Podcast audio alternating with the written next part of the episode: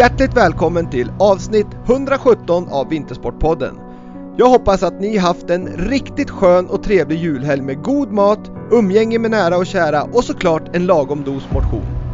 Snart är det 2023 och i dagarna pågår en hel del idrott i Sverige och i världen med många atleter som redan gästat Vintersportpodden och naturligtvis många potentiella Vintersportpodden-gäster. Med två dagar kvar till det nya året är det högst aktuellt att fundera på hur ni vill att ert 2023 ska bli och vilka förändringar ni vill göra för att utvecklas i önskad riktning. Sätt mål som är realistiska, men kom ihåg att våga göra saker som ni inte är bekväm med, det vill säga bli bekväm med det obekväma. Och kom ihåg de åtta kloka ord som Kai Pollak sa för att få ett bättre 2023.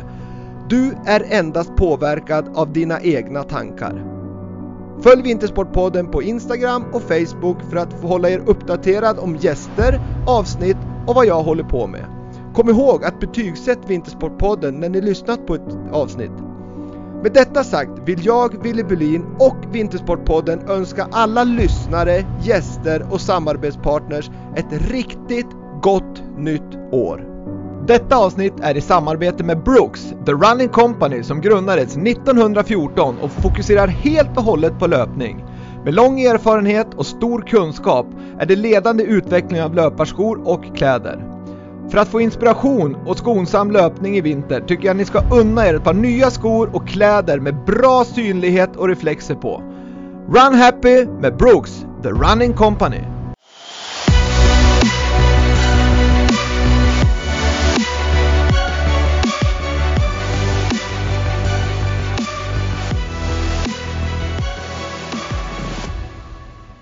Dagens gäst i Vintersportpodden, värmländskan som tagit alpina världen med storm under denna säsong. Fina placering i, i inledningen av världscupsäsongen kryddade hon med en fjärde plats i italienska Sestriere där hon dessutom totalt krossade alla konkurrenter i andra åket. Den alpina världens dörrar står öppen för dagens gäst i Vintersportpodden. Hon fyller dessutom dagen till ära 20 år, vilket hon såklart firar med att vara gäst i Vintersportpodden. Varmt välkommen och stort grattis Hanna Aronsson Elfman. Tack så mycket, tack tack. Vilken dag! Firar 20 år och, och är med i Vintersportpodden. Det måste kännas stort. Ja, men vilken födelsedag. Ja, precis. Vilken det kan, kan inte bli bättre tänkte jag säga. Nej. Hur är det med dig Hanna efter höstens framgångar i de alpina pisterna? Jo, men det är bra. Eh, precis landat hemma här eh, efter hela touren i Italien. Och, eh, men det var bara jag som kom hem. Bagaget stannade kvar på, på flygplatsen. Aj då, det är ja. typiskt när man, när man ska ut och resa och dessutom kanske man har grejer där som man behöver i sin träning på hemmaplan också. Mm, jo, men eh, det kommer väl snart får man hoppas. Men det blir väl men, jul ändå.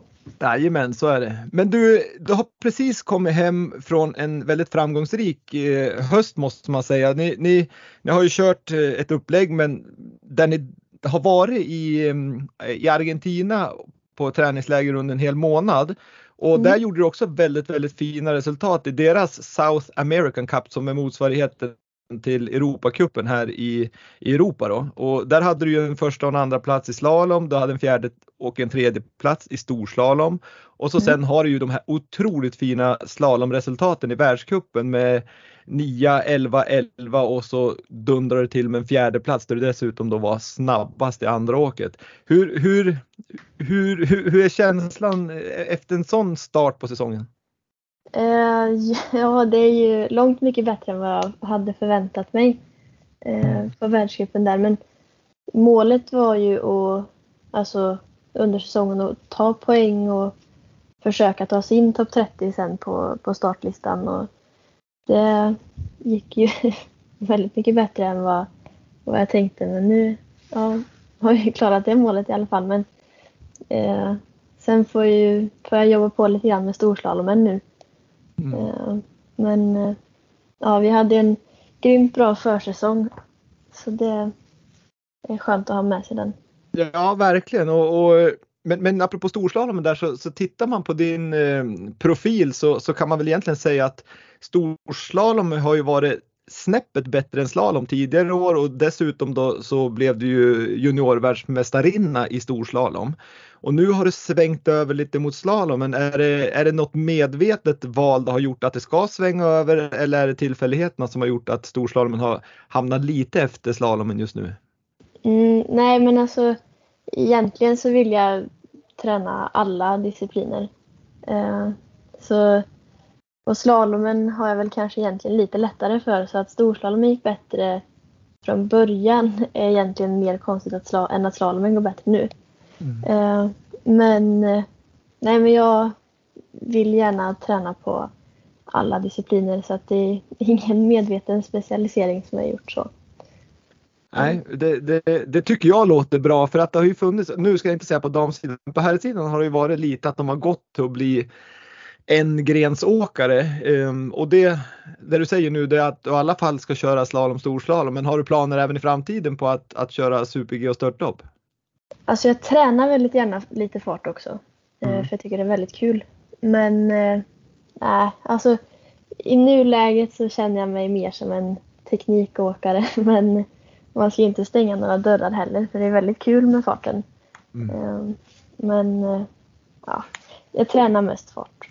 Och fartträning brukar ju vara väldigt positiv att man just får den här speeden och, och när man då kör storslalom sen framförallt så, så känns det som att man kanske behärskar farterna på ett annat sätt. Mm, ja, alltså Super-G är ju väldigt bra för storslalomen. Mm. Eh, det blir ju det är som en utdragen storslalom liksom. Så det är bra att träna på lite högre farter så man vågar åka ännu fortare i storslalomen. Mm. Men du, jag tyckte det var intressant det du sa där med att liksom tankarna inför säsongen var att du skulle komma in topp 30 och, och, få en startplats. Liksom. För det är viktigt i, i slalom och storslalom såklart att man får en bra startposition för att eh, underlaget då oftast är bättre och, och, och, då behöver man ha resultat för att klättra i, i rankingen. Mm. Och då tänker jag liksom rent mentalt sådär då, då är det ju lätt hänt att, att man kanske ja, men att man fegar lite grann för att, för att ta de här poängen som ger en, en klättring i rankingen. Men när jag ser dig åka så finns det ju inte någon tendens till att man överhuvudtaget bromsar utan det är ju, du har ju en otroligt offensiv åkstil. Är det, hur går tankarna där? Det du säger att du ska ta dig in topp 30 men du är ju offensiv som att du verkligen vill upp på pallen. Ja, alltså men det är ju alltid så när man står på start och, och tävlar, man vill ju alltid åka så fort som möjligt. Eh, och då, att då ja, men safea ner känns ju onödigt. Eh, när det går att åka fort liksom. Mm. Eh, men sen får man ju åka fort och smart. Så det är väl där jag försöker balansera lite. Eh, det är lätt att man åker fort och fel. Eh, när ja, man det... gasen.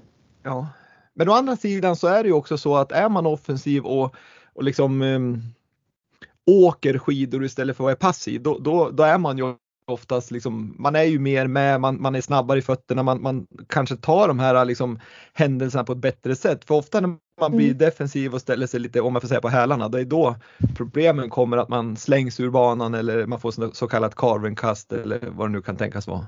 Ja, precis. Det, är ju oftare man gör alltså, ja, men större fel när man fegar sig ner än när man står på ordentligt. Mm. Men, Hanna? Eh, ja.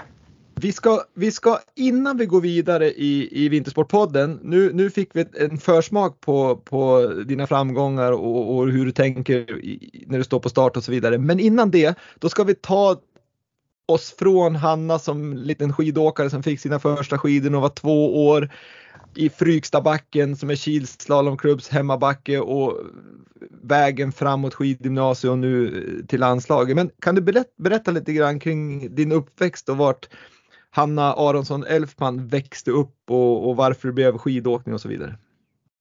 Ja, jag kommer ju från Karlstad. Eh, växte upp på Råtorp i Karlstad. Um, ja, hela familjen är väl egentligen väldigt skidintresserade så vi har ju åkt mycket skidor i, uh, ja, i alla år. Uh, och sen så, ja, jag var mycket på, på Långberget när jag var liten så att jag åkte väldigt mycket skidor där. Eh, sen när vi, ja, när jag blev lite äldre och, och började åka mer i, i klubben så tyckte jag att det var väldigt kul att åka skidor så då fortsatte jag och så började jag tävla och ja, så är vi här nu. På den vägen är det. Men vad var det som gjorde att, för jag vet att du har hållit på med segling och, och andra sporter också, men vad var det som mm. gjorde att just alpint blev din grej och att du valde att satsa på det? Nej, men jag tror bara att det är, alltså skidglädjen, det är så himla kul att åka skidor. Eh, inte bara bana utan fritt också. Eh, jag har ju stuga i Sälen eh, så vi har varit där väldigt mycket. Och det, ja, men det var sjukt kul att åka skidor. Eh, så det är väl därför jag fortsatte. Men har, har det varit, du säger att du, du tycker om skidåkning i sin helhet och inte bara åka runt blå och röd käpp utan även åka friåkning i backe och i skog. Men känner du att mm. det har gett dig, vad ska jag säga, den, duktiga skidåkare idag, att du, att du är allsidig i din åkning?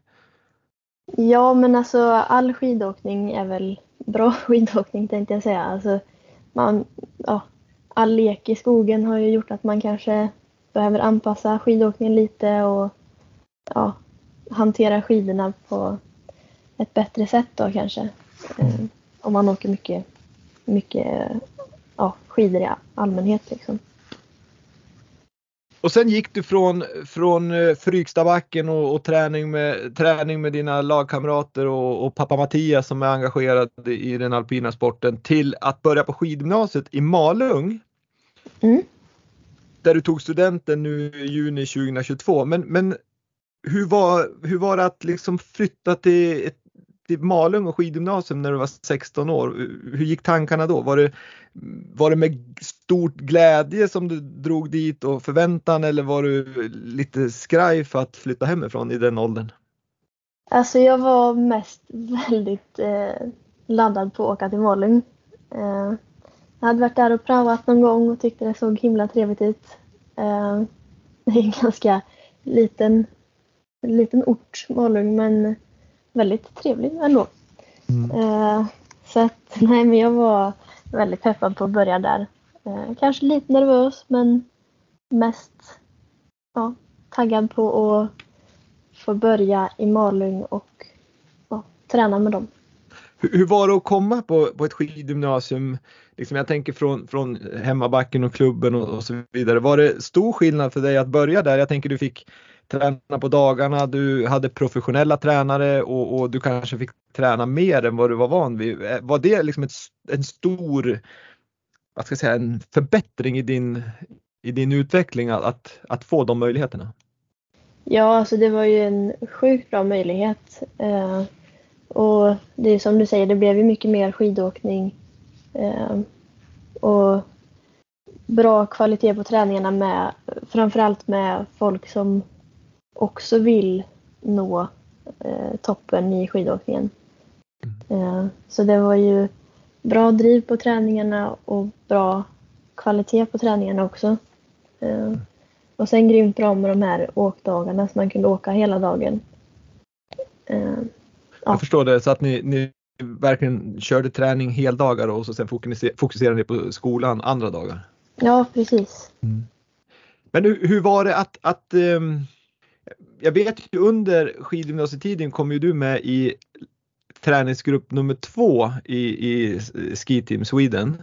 Mm. Hur, hur, var det att kombinera en, en eh, skidgymnasietid med att vara med i ett landslag? Det, blev, det måste ha varit liksom att skidgymnasiet kom i andra hand så att säga. Du var ju då med landslaget mer än vad du var på skolan. Kände du då mm. någonstans att, att du inte kom in i gemenskapen på samma sätt på skolan och att du tappade den här liksom känslan att gå på skidgymnasium? Men alltså, äh, inte tappa kanske, men jag var ju inte hemma så mycket. Uh, så att på skolan fortsatte ju som vanligt även om man inte är där. Mm. Uh, Fick du ta men, med dig mycket av, av, av lektionerna digitalt så att säga? Ja, ja det var ju mycket eh, plugg på egen hand. Men sen när corona kom då var det lite lättare med, med alla de här nitlektionerna och eh, så det har varit lite lättare att göra på distans då. Men Eh, nej men sen, alltså, alltså gemenskapen i Malung blir ju när man är på plats i Malung. Eh, så när man inte är där så det är inte det att man blir utanför för man är verkligen med i, i gänget i Malung. Men det blir ändå, man är ju inte där så mycket så de hinner ju hänga ganska mycket mer än om man själv är där. Är det någonting du saknat här i efterhand att, att man skulle haft liksom Går man på skidgymnasium så är man hemma mer och, och lugnar sig lite grann med, med landslagsuttagningar eller känner du att det ger så pass mycket att eller man måste vara med i landslag och komma ner och tävla mer i Europa för, för att liksom hänga med konkurrenterna? Eh, väldigt svår fråga. Men eh, jag, nej, jag tycker inte att jag att det var fel att bli med i ett landslag för att jag tyckte att det funkade ganska bra. Men det är klart att skolan är ju viktig den också. Ja, den är ju det för, för framtiden. Så, ja, den är ju det. Det är inte Men, alla som har förmånen att leva på, på eh, karriären hela livet så att säga. Nej, men eh, nej, gud det är jättesvårt att säga. Det är inte så att jag, jag tycker, nej, det funkar nej. bra. Funkar bra. Ja, vad bra. Men, men är det någonting du känner liksom så här nu när du har, när du har fått ett halvår halvårs perspektiv på, på skidgymnasietiden. Är, är det någonting du saknade som, som du skulle liksom känna att det där skulle man kunna liksom förbättra för att det skulle bli ännu bättre på skidgymnasiet? Uh, det vet jag faktiskt inte. Jag tyckte att det funkade väldigt bra när jag var där. Mm. Men sen var jag ju inte där, där så jättemycket. Uh, men, men, men, om man säger så då, dina landslagstränare, de, de stod i nära kontakt med, med skidgymnasietränarna så att när mm. du kom hem och tränade på hemmaplan om man säger på skidgymnasiet, då, då kände du ändå att du, du kunde jacka i där du slutade med landslaget? Ja, alltså när jag kom hem så funkade det väldigt bra och sen så när jag åkte iväg så funkade det väldigt bra också. Det var ju, tränarna hade ju väldigt bra dialog mellan varandra. Mm. Uh, och sen fysträning var bra. Det är kul att träna när man är ett helt gäng som tränar. Mm. Uh, och sen så skolgången, lärarna är ju fantastiskt hjälpsamma. Uh, så det, jag hade ju förmodligen inte klarat det om inte lärarna hade varit så hjälpsamma som de var. Ja, och det är kul att höra att, att, för det är ju det som är lite liksom nyckeln med, med att komma på ett skidgymnasium, det är just att det funkar och att man är flexibel och att man har de här möjligheterna att, att vara borta och, och satsa på sin idrott och ändå liksom kunna mm. få en fin studiegång. Det, det är ju kul att höra. Ja. Men om, om du skulle säga det bästa med att gå på ett skidgymnasium slash idrottsgymnasium då? Vad va, va, va, tycker du, liksom om, om du tänker att det är någon som ska börja på ett idrottsgymnasium eller skidgymnasium, sitter och lyssnar på det här. Vad, vad är det bästa med att gå på ett skidgymnasium? Ja, men det var ju gemenskapen bland annat. Eh, det var ju skitkul att få hänga med massa andra folk som tycker det är kul att åka skidor. Mm. Eh, men sen också möjligheten att kombinera skolan och satsning på skidåkningen. Eh, det tyckte jag var bra. Mm. Om, man, om du skulle säga, liksom, om du backar banden nu till där du satt där och gick, var jul när du gick i nian och så hade du sökt skidgymnasium och, och börjat få vittring om att du kom in. Vad ska, ska man tänka på om man sitter i samma situation nu eh, för att, för att liksom komma in snabbt och, och, få en bra start på skidgymnasium? Alltså det, det är jättekul att gå på skidgymnasium eh, så jag tycker verkligen man ska söka. Men sen tror jag inte att det spelar superstor roll på vilket skidgymnasium man går och jag vet att det är många som funderar på vart man ska söka. Eh, det gjorde jag också. Eh, men det, det viktigaste är att man när man börjar på skidgymnasiet inte lutar sig tillbaka och känner att ja ah, men gud, nu kommer jag in på skidgymnasiet, vad skönt, nu kan jag slappna av. Utan att man fortsätter jobba för oavsett på vilket skidgymnasium du kommer in så ja, men det är man själv som ser till att alltså, skidåkningen blir bättre. Så det spelar inte så stor roll vilka, eller det är klart, har man bra tränare så är det en fördel. Men, eh, ja. men det är mycket upp till en själv eh, kan jag höra att du säger och, och, Och, och, det gläder mig att du säger för jag tror, för jag har själv gått skidgymnasium och jag, jag upplever att det fanns många ändå som, som kom in där och man pustade ut och så kände man att nu har jag nått målet. Jag kom in på skidgymnasium mm. och så tog det stopp där. För mig så är ju skidgymnasiet ett delmål för att nå till sitt slutgiltiga mål lite grann att ja, nu, nu, det här var en del på vägen och så sen är det precis som du säger att det är ju hårt arbete för att ta nästa steg och då kommer vi in på nästa område som jag tycker är otroligt intressant område. Det är ju liksom just den här resan från att vara en stor talang som Hanna Aronsson Elfman var när hon gick i nian och började skidgymnasium till att vinna VM-guld eller junior-VM-guld och, och sen fyra i världskuppen. Och, och mm. det är ju liksom en, ändå fortfarande bara en liten, liten del på resan för du har ju lång tid kvar. Men hur skulle du säga att, att, att den resan ser ut från att vara den här talangen till ändå att bli fyra världskuppen? Det är ju någonting som händer där, det, det, det går inte av sig själv. Nej men jag vet faktiskt inte vad, alltså det, jag tror att jag bara aldrig riktigt har nöjt mig. Eh, ja men det var ju jättekul att vinna JVM. Men jag vill ju ännu längre. Mm. Uh, så det är egentligen bara att jag har fortsatt att, att jobba tror jag. Uh, men det är ju som du säger en väldigt lång bit kvar. Det här är ju ja. bara några steg på vägen. Ja men precis och, och då, då då finns det olika sätt att sätta, sätta mål och jag tänkte höra hur, hur sätter du dina mål? Är det liksom, sätter du dina mål att du ska ta VM-guld, OS-guld, komma etta i slalom och storslalomcupen? Eller sätter du mer prestationsmål, det vill säga att du ska kunna det här och du ska göra si och du ska göra så och det i sig leder till att du tar de här medaljerna och, och vinner totala kuppen i, i slalom och storslalom till exempel. Hur, hur, hur jobbar du där med målsättning? Mm, jag skulle säga att det är lite blandat. Eh, för man vill ju vinna OS-guld och VM-guld och slalomcup och allt vad det mm. nu är. Men för att nå dit så måste man ju klara av eh, de tekniska målen i skidåkningen. Eh, så att egentligen så den största delen man jobbar med är ju eh, skidåkningsmålen. Mm. Eh, jag tycker det, alltså jag själv, det är ju olika hur, hur alla är.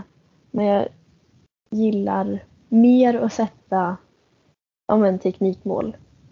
Eh, för att teknik, alltså skidåkningen är ju det som kommer göra att jag tar mig till de här medaljerna.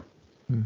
Eh, så det spelar egentligen inte så stor roll för vilka ja, men, OS-guld eller vad man nu sätter upp för mål. För att det är vad man gör för att nå dit som är det viktiga. Ja, Men sen ja, är det klart att man har ett huvudmål också. Eh, mm. Hjälper ju att driva på den här andra eh, satsningen. Ser du dig själv varje dag när du lägger dig stå överst på pallen i en mästerskap? jag funderar inte på det varje, varje kväll men eh, eh, det hade ju varit väldigt kul att få stå på en pall någon gång. Mm. Nej, för jag tänker så här att, att just det här med målsättning, därför jag frågar om det, det är ju just det här med, sätter man ett, ett, ett eh, resultatmål, det vill säga vinna OS-guld, då är man ju som, som beroende av, av sina konkurrenter, för du vet ju inte hur de utvecklas och vad de presterar just den där dagen, för att du kan ju göra din absolut bästa åk på OS 2026, men du kommer tvåa. Och, mm. och, och, men du är svinnöjd för att du har gjort verkligen det som, som du kan. Eh, för det vore ju synd då att du, att du, att liksom du skulle vara missnöjd för att du kommer tvåa men du har gjort ditt bästa åk någonsin. Ja, det är lite det, det, som är liksom, det är därför jag frågar just om det med prestationsmål eller resultatmål.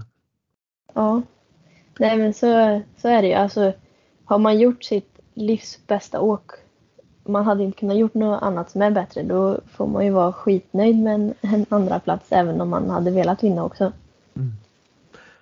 Ja, det är ett intressant ämne och, och, och jag tycker lika intressant mål, målsättning i sig är ju, skulle vi kunna ha flera avsnitt om bara det. Men, mm. men, jag tycker det är ett intressant ämne där vi börjar med resan från att vara talang till att komma upp liksom, att, och bli fyra i, i världskuppen som du, som du eh, blev nu då, i, i Sestriere och du ligger sexa i totala slalomcupen vilket är jätte jättebra.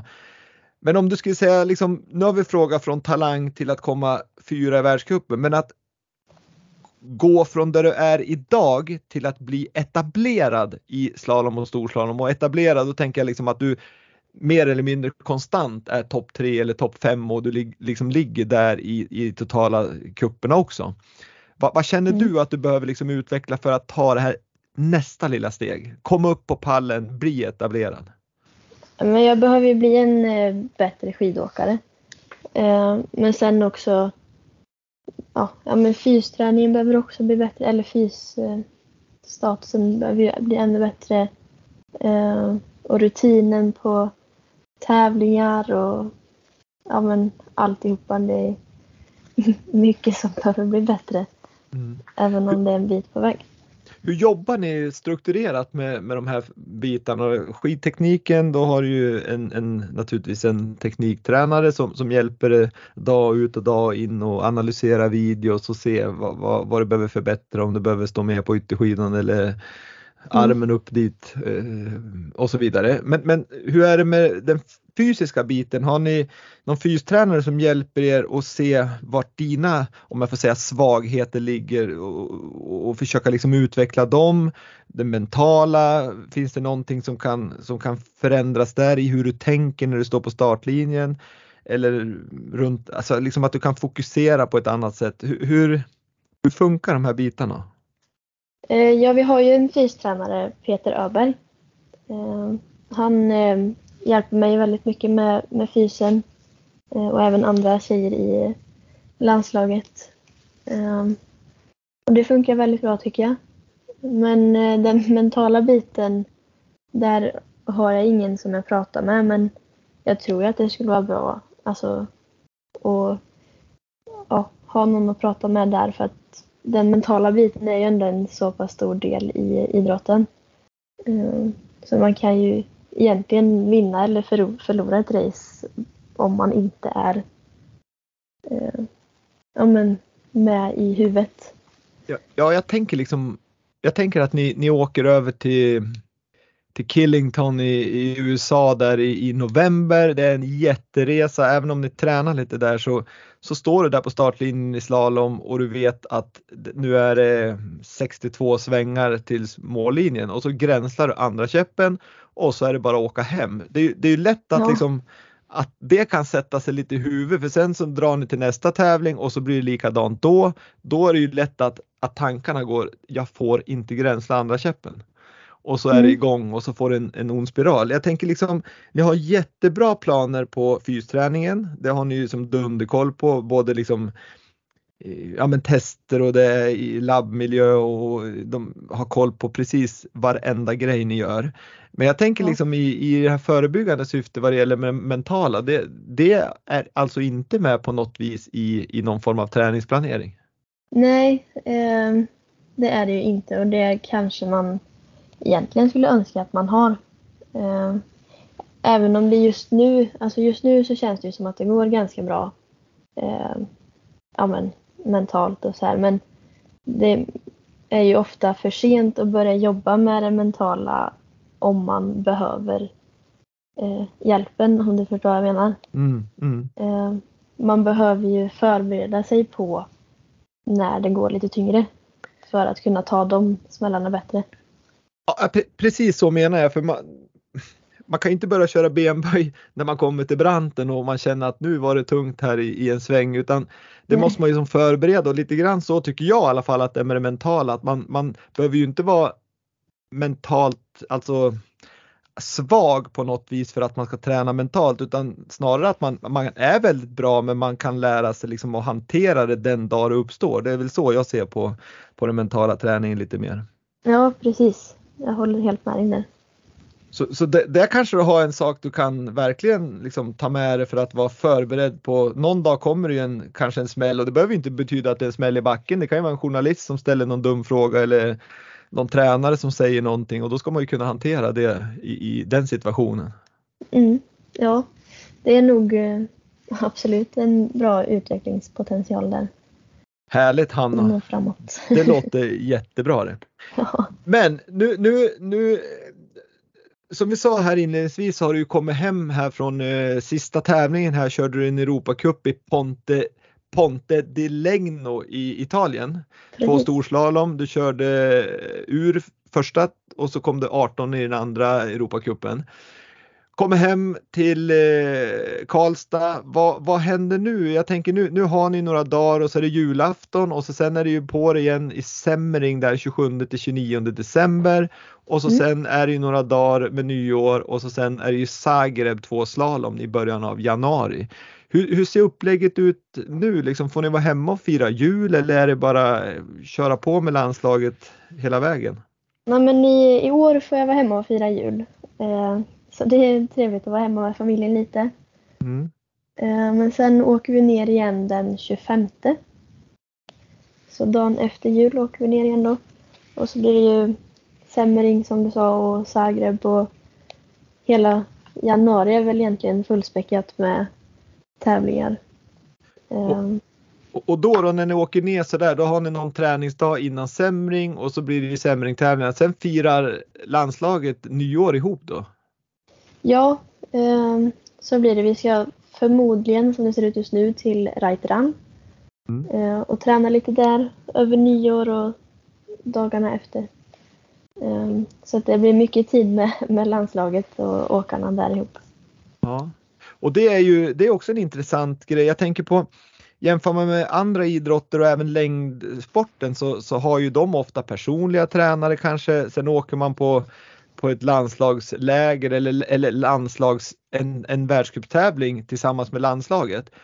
Men inom den alpina sporten där kör ni nästan bara med landslaget. Det har ju som ingen, du kommer ju inte hem till någon klubb och kör egen träning på något vis.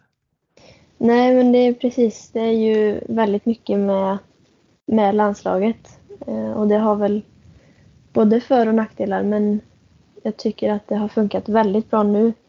Eh, och sen är det superkul att, eh, ja, att vi har lyxen att ha både Anna och Sara eh, som lite draghästar för oss yngre. Mm. Och då menar du Anna, Anna Sven Larsson och Sara Hector som, som är kanske två lite mer etablerade alpina stjärnor än vad, vad du just nu är? Ja, precis. Så det, de visar vägen lite grann hur man ska gå och det tycker jag är jättekul att de, ja, men att de är med och hjälper oss yngre så himla mycket. Mm. Och det måste ju kännas ganska skönt för ni kör ju ofta på tid på träningar och, och sådär och, och känna att är man, är man jämn med dem eller till och med slår dem då vet man att man håller ganska hög eh, klass även i en världscuptävling. Ja, det är ju också väldigt lyxigt på träning där att ha två världsstjärnor som, ja, som visar vart skåpet ska stå. Och att man får jaga dem, det, det är bra. Men hur, hur är det där då? Liksom, 19 år är du nu, du fyller 20 idag när vi, när vi släpper Vintersportpodden. Mm. Hur, hur reagerar Sara Hector och Anna Sven Larsson då som är väldigt rutinerade åkare och har varit med länge, de har fina resultat i bagaget och så kommer du en träning och tvålar dit dem å det grövsta. Hur, hur, hur reagerar de på det? Är det liksom grattis Hanna eller är det jäkla skit och så åker de själv i liften? Nej, det har inte hänt så många gånger att jag tvålar till dem på träning faktiskt. Men eh, eh, man, ibland kan man ju märka att det rullas lite fortare i liften på, på vissa. Och, eh, men de flesta, eller alla egentligen, är ju väldigt eh, glada för varandra när det går bra. Mm. Det är ju ingen som missunnar någonting. Nej, återigen är det ju till, till det här um, sin egen del och, och, du kan ju som inte påverka att någon annan åker bra utan du har ju dig själv att, att kunna liksom, gör du det du ska så, så kommer du också vara väldigt nöjd och, och glad för din prestation. Ja, Men-. Men, men där är det ju liksom, det är lite intressant ändå det här med individuell idrott att, att ni, ni, ni, ni åker ju eran två minuter per tävling ungefär, det är två åk och det är ungefär en minut per åk. Eh, och det är inte så jättemånga tävlingar på en säsong så att eh, vi snackar ju inte många minuter som ni egentligen tävlar mot varann. Men ni lever ju med varandra i över 200 dagar per år i, i det här landslaget så att på något vis är det ju väldigt, väldigt viktigt med bra gruppdynamik. Är det någonting ja. som, som ni jobbar med i, i landslaget för att verkligen få den här sköna känslan där man pushar varandra och hjälper varandra framåt snarare än att man ska försöka liksom fälla krokben på, för varandra?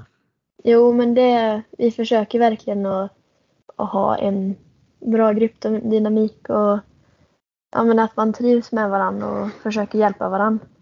Uh, eh, för att vi är ju ändå så pass många som är duktiga så man hjälper varandra framåt så gynnas ju fler av det än om man skulle ja, försöka sabotera för varandra. Uh, så det, och det tycker jag funkar väldigt bra just nu. Det är många som vill, eller alla vill hjälpas åt och ja, ta sig framåt. Ja, jag förstår det och, och, och samtidigt så är det ju jag tänker eh, liksom laget och jaget.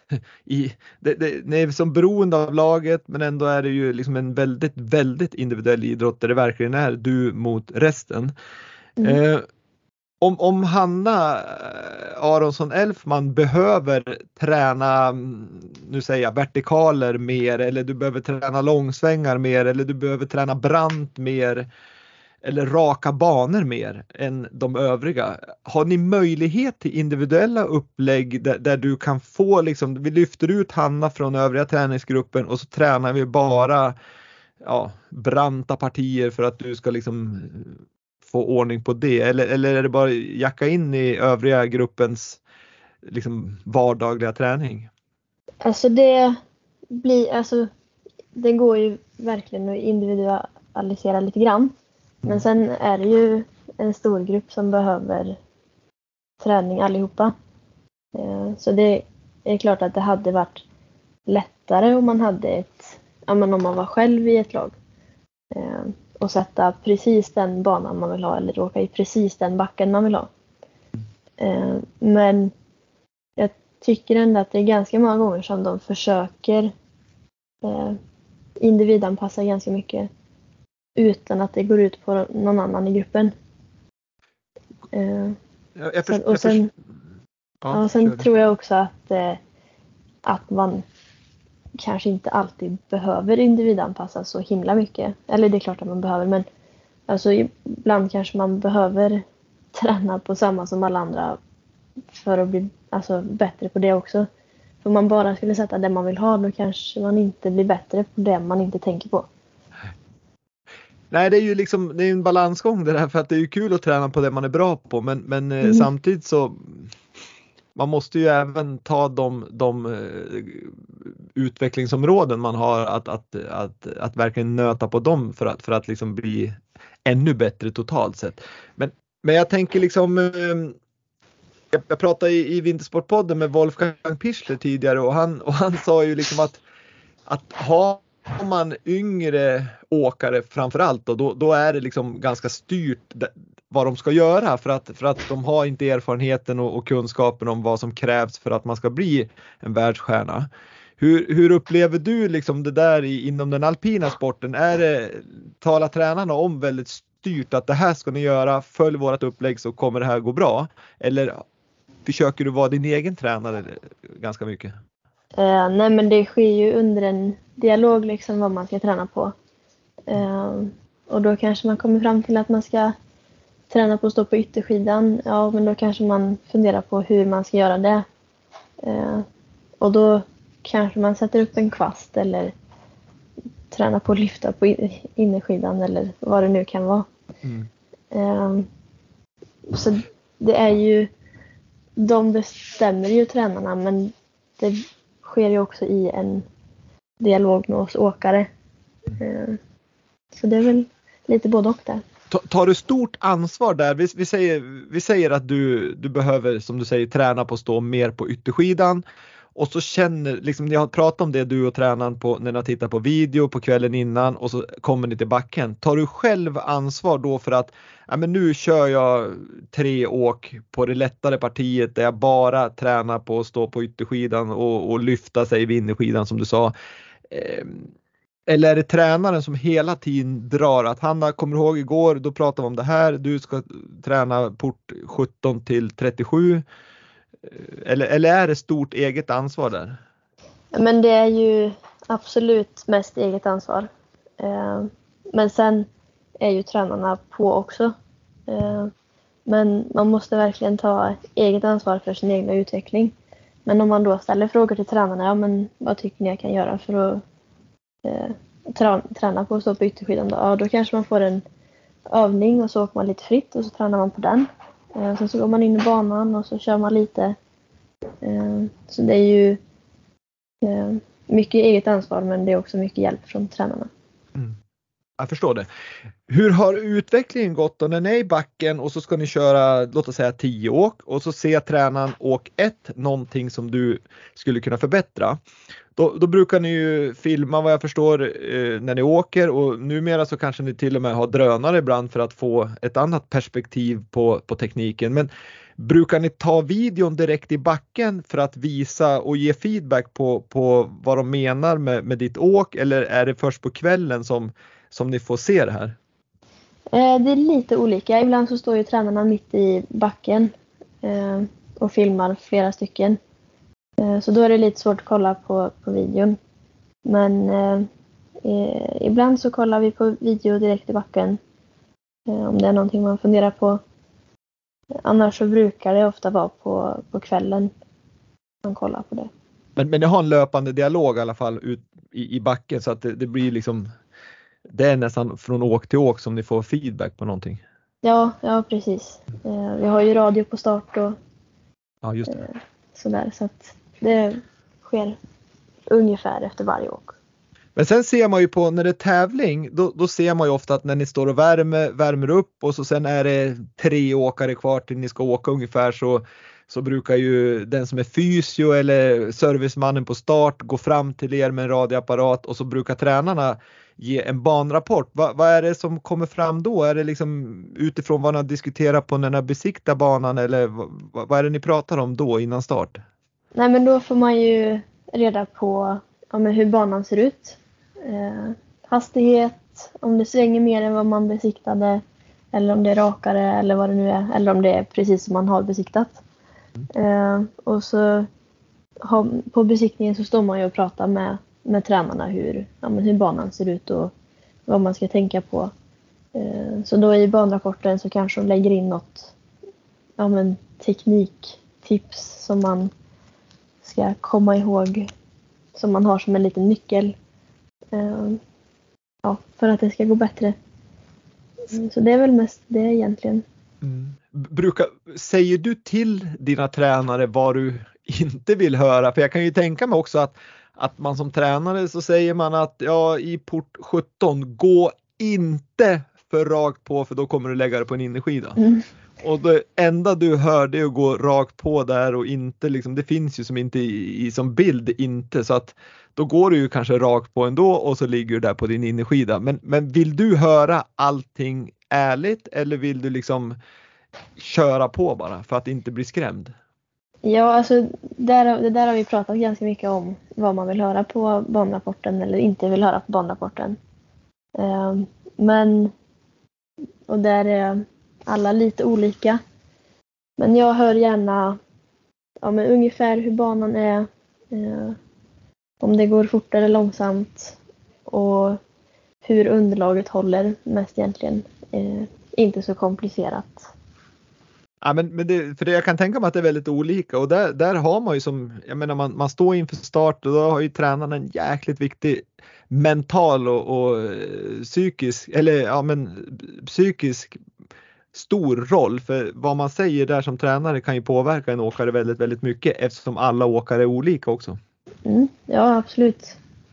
Men, men eh, nu har vi pratat om, om mycket liksom utveckling och, och hur det funkar i backen och så vidare. Men, men vi sa också inledningsvis att du åkt mycket skidor och du har inte bara åkt bana utan du har åkt i skogen och du har åkt i pisten utan käppar och så vidare. Men om du skulle säga vad är din styrka som alpin skidåkare? Om, om du skulle säga liksom en sak som verkligen är Hanna Aronsson Elfman? Oj.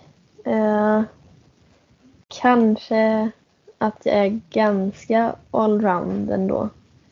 Eh, ja, men att jag har åkt mycket skidor.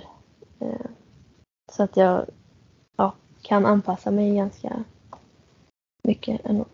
Och då när vi pratar om anpassare, då tänker du att du är, du, du, du är inte så sårbar om det blir gropar i backen eller om det är många krön som du ska över eller om det är brant eller flackt utan du är ganska anpassningsbar i, i hela skidåkningen. Ja, ja, men ungefär. Sen är det klart att man är lite bättre på det ena eller det andra. Mm. Mm. Men... men... Men, om du skulle säga, om du står där i, om du får drömma det liksom, och så ser du en slalombana framför dig. Vad är den liksom optimala banan för dig? Är den rund? Är den rak? Är den brant? Är den flack? Är det mycket krön? Om du skulle tänka den perfekta banan för dig, hur ser den ut? Ja men Levi är ganska eh, perfekt. Lite, börjar med lite flack och lite krön och sen är det ganska brant, brant och sen så ut på en till flack med stenhårt underlag helst. Ja, du gillar eh, stenhårt? Ja, ja, inte halkig is liksom men gärna hårt underlag. Mm. Um, och sen lite lagom sväng. Inte megasväng men helst inte, inte rakt. Men, men, men jag tänker, är det att du vill ha lite platt i början? Är det för att du ska få komma in i åket och känna liksom att, ja, men att du kommer igång och, och än att bara hoppa rakt in i en jättebrant? Blir det svårare? Eh, ja men ja, det är nog lite lättare att komma igång med, med åkningen och sen gå över i branten. Mm. Eh, om man börjar i brant är det lätt att man hamnar bak direkt. Eh, ja. Men du, ja, det, jag förstår exakt vad du menar för det är ju, det är ju men, men Lev är en fin backe. Den är, det är inte jättekrånglig egentligen för det är ju inte supermycket krön och han är ganska som du säger platt i början men sen blir det ju ganska brant och oftast är den ju då balkad som ni gör, det vill säga ni, ni injicerar vatten i snön. Då blir det ju väldigt, väldigt hårt men ändå inte blankis. Mm. Ja, det är hård snö eh, på gränsen till is, det tycker jag är bra. Ja, härligt. Men du, en sak som jag också har funderat på ganska mycket och det gäller inte egentligen bara alpint men, men nu pratar vi alpint med, med dig Hanna. Eh, det är ju all den här fysträningen man gör. Man springer mycket, man hoppar mycket, man kör tunga benböj och man kör mage och ryggträning och ja, men all möjlig fysträning som man håller på med. Men den träningen gör man den till punkt och pricka jätte, jättebra så är det ju inte ett likhetstecken med att man blir världsmästare i slalom. Hur, hur ser du på, på fysträningen kopplat till att vara en bra skidåkerska?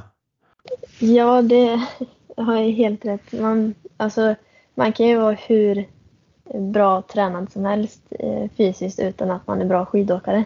Mm. Eh, men jag tror att man ja, men, tränar så att man ger sig själv förutsättningarna att kunna utvecklas eh, i skidåkningen är viktigt.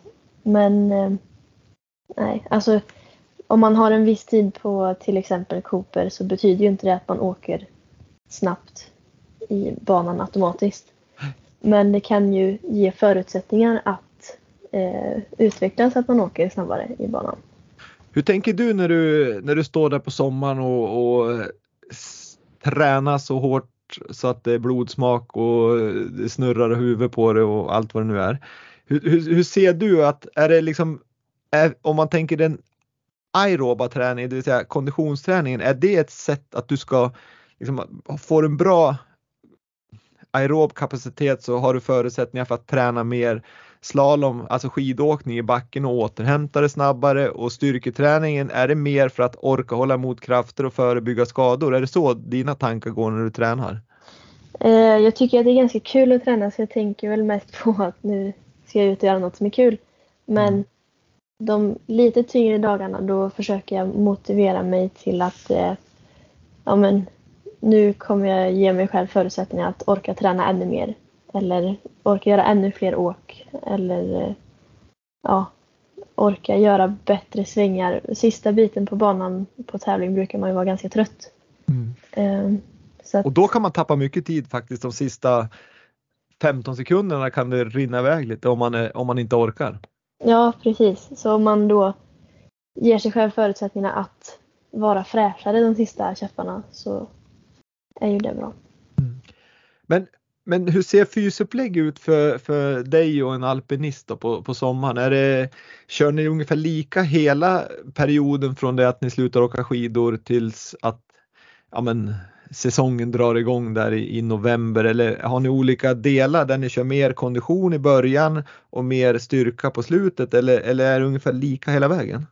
Eh, I år, eller ja, de senaste två åren har jag kört ganska mycket mer, eh, ja kanske, eller lite mer uthålligt i början. Eh, så lite längre konditionspass, eh, lite mer repetitioner på styrkepassen. Eh, och sen i slutet så kör man lite mer eh, kortare men explosivare eh, ja, träningar. Så lite färre repetitioner på styrkan och så lite kortare intensivare löpning till exempel. Ehm, är det, mm, kör ni under, under säsong nu när, när, när ni har dragit igång världscupen och så vidare, är det underhåller ni mer då och kör få repetitioner och kortare liksom löppass eller, eller kör ni på ganska hård fys även under säsongen? Alltså man måste ju hålla igång fysen under säsongen men sen är det ju svårt att köra de här supertunga och eh, jobbiga passen. Mm. Eh, så det blir ju lite kortare, ja, kortare träningspass. Är, är det, när, du, också. när du kör kondition då är det löpning eller är det cykel? Ehm, ja, när man kan springa så springer jag gärna. Jag har haft lite problem med stukade fötter och så här. Så då, eh, då har det blivit cykling och rodd och stakintervall och alltihopa. Men eh, jag springer helst. Men sen tycker jag att det är väldigt bra att ja, variera också. Eh, Mm. Så ibland lite solbike, lite rodd och cykel. Och, Ja, det, låter, det låter bra det tycker jag att, att man varierar för löpningen tycker jag är bra och så länge man kan löpa om man inte har ont i knän och rygg och så vidare då tror jag den är väldigt väldigt bra. Det får bra, bra puls och, och du använder typ hela kroppen för att, för att hålla igång. ja, löpning är en bra. Ja. Men du, nu har ni ju en härlig säsong framför er där ni också faktiskt landar i Sverige och Åre den 10-11 mars och gör en slalom och en storslalomtävling. Så då eh, tycker jag alla som lyssnar på det här ska ta sig upp till Åre, kolla på Hanna Aronsson Elfman och hennes landslagskollegor och även världskollegor tänkte jag säga i den alpina sporten för då, då bjuder ni upp till dans verkligen. Och sen helgen efter eller veckan efter då är det ju Sol- Soldau i Andorra som världscupfinalen går. Mm. Om du skulle visualisera och blunda och, och, och tänka på Soldau Andorra i mars. Vad tänker du då? Ja, eh, jag hoppas ju att jag eh, kvalar dit då. Det hade varit kul. Eh, sen, Men om vi förutsätter, förutsätter att du gör det, vad, vad ser du själv då? Tar du den här Tar du någon glob eller kliver upp på pallen i totalen eller hur, hur, hur går tankarna? Ja, alltså det absoluta drömscenariot hade ju varit så. Men om man tänker lite realistiskt så ehm, Nej men då vill jag åka dit och sätta två bra åk. Eh, ja, och hoppas att jag är nöjd med dem och sen så hoppas jag att resultat kommer efter det. Det är bra Hanna, grymt bra. Eh, om vi ser längre fram då, vi har ju ett OS 2026 i eh, Italien och så sen har vi ju massa VM däremellan och, och, och sen har ju du en lång karriär eh, efter OS 2026 också. Du har ju, du har ju 2030 och så vidare så att du, du är så pass ung. Men hur ser du på framtiden? Vad, vad har du liksom om du skulle sätta, nu har vi pratat om resultatmål och prestationsmål, men vad är liksom ditt mål med den alpina skidåkningen? Men det hade Din vision kanske man ska säga. Ja, nej men det hade varit väldigt kul att få stå överst på pallen på ett OS. Eh, och sen någon eh, ja, VM och världscup och på, ja, på världscuptotalen och ja, det hade varit kul att ta en eh, sån där glob. Ja, det kallas glob, alltså en sån här, um, ja det är som en glaskula som man får när man vinner totala kuppen. Det, det är väldigt, väldigt fin måste jag säga. Och, och, och stort att få en sån. Men med tanke på vad Pernilla Wiber sa om dig efter andra åket i Sestriere att det var det värsta hon har sett så, så tror jag att vi har någonting att se fram emot i Hanna Aronsson Elfman och, och med din inställning och, och ödmjukhet och, och målfokusering så är jag helt övertygad om att det här kommer gå bra Hanna. Ja, vi får hoppas. Verkligen, verkligen. Men nu har vi snackat en hel del om dig och om skidåkning i stort och, och massa olika roliga ämnen måste jag säga. Det har varit en härlig stund att få och dela med dig här på din födelsedag. Och eh, den sista frågan jag ställer till alla som är med i Vintersportpodden. Den, den, den, den är oavsett vem det är, om man är aktiv eller ledare eller var man nu befinner sig i, i idrottens värld så ställer jag samma fråga. Och den lyder så här Hanna. Kan du säga en framgångsfaktor för att lyckas med idrott? Ja, eh, det finns ju så himla många men om jag måste välja en så eh, ja, att man eh, ja, men att man verkligen själv är driven att eh, ta sig framåt. Eh, för att det spelar egentligen inte så stor roll eh, ja, vad man har runt omkring sig. Eh, utan det viktigaste är att man själv är motiverad att ta sig framåt. Och sen också att man har kul. Såklart. Har man kul då vill man och då kan man träna mycket men, men jag håller med om, om det egna drivet är en väldigt, väldigt viktig framgångsfaktor för det, någonstans så är det ju du som ska göra det. Speciellt när det är en, en individuell idrott för det är ingen annan som kommer göra de här träningstimmarna utan det är du själv som, som ska göra det. Jajamän. Hanna, nu har vi pratat i nästan en timme. Hur, hur, känner du? Är det någonting jag missat som jag borde ha tagit upp eller tycker du att vi har tagit med det mesta? Nej, men jag tycker det här blir bra. Härligt, jättebra. Och ett stort tack att du var med i Vintersportpodden och ännu en gång stort, stort grattis på den stora dagen 20 år. Och Ja, ett jättestort lycka till den här säsongen och i framtiden såklart. Eh, Och jag hoppas verkligen att, att det blir som vi, som vi visualiserar där, att du tar globar och, och medaljer i stora sammanhang. Ja, tack så jättemycket. Ha det jättebra och lycka till Tack och detsamma. såklart eh, gott nytt år. Detsamma, detsamma.